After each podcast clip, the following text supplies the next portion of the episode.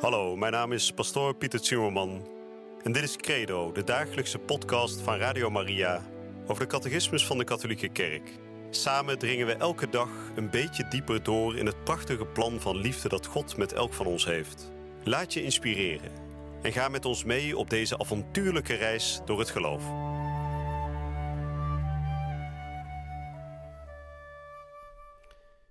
Vrienden, van harte welkom terug bij deze nieuwe uitzending van de podcast Credo. Een dagelijkse podcast waarin we een stukje van de catechismus behandelen. En de afgelopen dagen hebben we gesproken over de drie-eenheid. We hebben dat thema voor nu even afgerond. Dat komt uiteraard in de loop van heel de catechismus nog verder wel weer terug. Maar we gaan het vandaag um, hebben over iets anders, over een ander deel van de geloofsbeleidenis. En dat is namelijk het feit dat God in de geloofsbeleidenis eigenlijk maar één eigenschap wordt toegedicht, en dat is zijn almacht. We weten, God is natuurlijk veel meer dan alleen maar almachtig, maar toch is die almacht van God een van de eigenschappen die ontzettend veelzeggend is voor de persoon van God. En we gaan vandaag dus kijken wat dat nou precies betekent. Wat betekent het dat God almachtig is? En dat betekent dat ik vandaag de nummers 268 tot en met 274 zal gaan behandelen. Ik zal die dadelijk weer gaan voorlezen en kort toelichten. Maar zoals gebruikelijk zullen we ook deze uitzending weer beginnen met gebed. In de naam van de Vader en de Zoon en de Heilige Geest. Amen. Heer God, in de geloofsbeleidenis spreek u aan als de Almachtige Vader. Almacht betekent dat er voor u niets onmogelijk is. In uw almacht schiep u de hemel en de aarde. In uw almacht schiep u het licht. U schiep de dieren, de bomen, de bloemen, alles wat er leeft. En als kroon van uw schepping schiep u op de zesde dag de mens. En er wordt gezegd dat een levende mens de glorie is van uw liefdevolle almacht. Wanneer de mens volledig tot leven komt, wanneer de mens u erkent als zijn enig ware schepper, dan pas is uw schepping zoals deze moet zijn. Wij vragen u, Almachtige Heer, breng uw schepping tot voltooiing. Maak dat het heilig licht van uw genade ons tot bloei brengt en dat onze ziel in uw almacht zich mag ontplooien tot een ware bloem van uw liefde. Amen. En ik lees voor de nummers 268 tot met 274. Van alle goddelijke eigenschappen wordt in de geloofsbeleidenis alleen de almacht van God genoemd. Het is van groot belang voor ons leven deze te beleiden.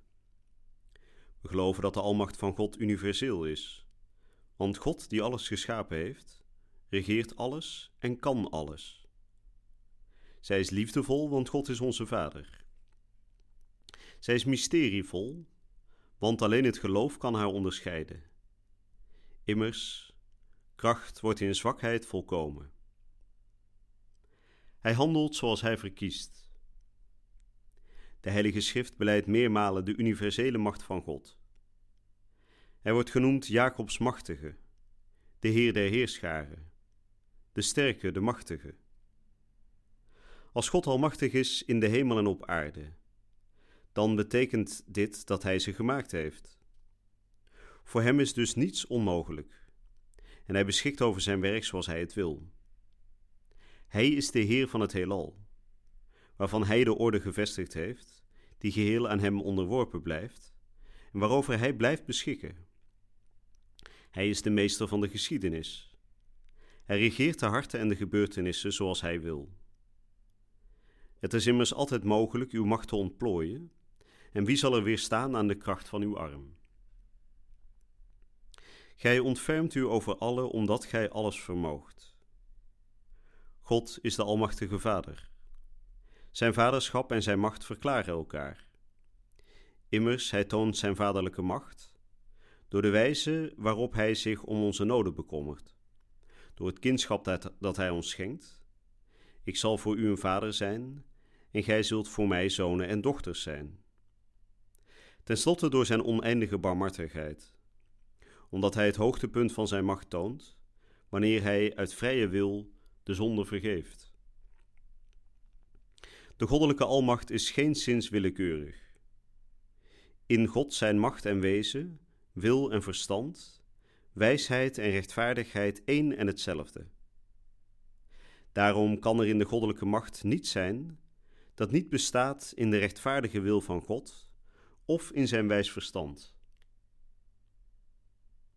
Het mysterie van de schijnbare onmacht van God. Het geloof in God de Almachtige Vader kan op de proef gesteld worden door de ervaring van het kwaad en het lijden. Soms kan het lijken alsof God afwezig is en niet in staat het kwaad te verhinderen. Welnu, God de Vader heeft zijn almacht op de meest mysterievolle manier geopenbaard, in de vrijwillige vernedering en in de verrijzenis van zijn Zoon, waardoor hij het kwaad overwonnen heeft. Zo is de gekruisigde Christus Gods kracht en Gods wijsheid. Want de dwaasheid van God is wijzer dan de mensen, en de zwakheid van God is sterker dan de mensen. In de verrijzenis en de verheffing van Christus heeft de Vader de sterkte van zijn kracht ontplooid en getoond met welke buitengewone grootheid zijn macht voor ons gelovigen bekleed is. Alleen het geloof kan zich bekennen tot de geheimvolle wegen van de Almachtige God. Dat geloof beroemt zich op zijn zwakheid, ten einde de macht van Christus tot zich te trekken. Van dit geloof is de Maagd Maria het grootste voorbeeld.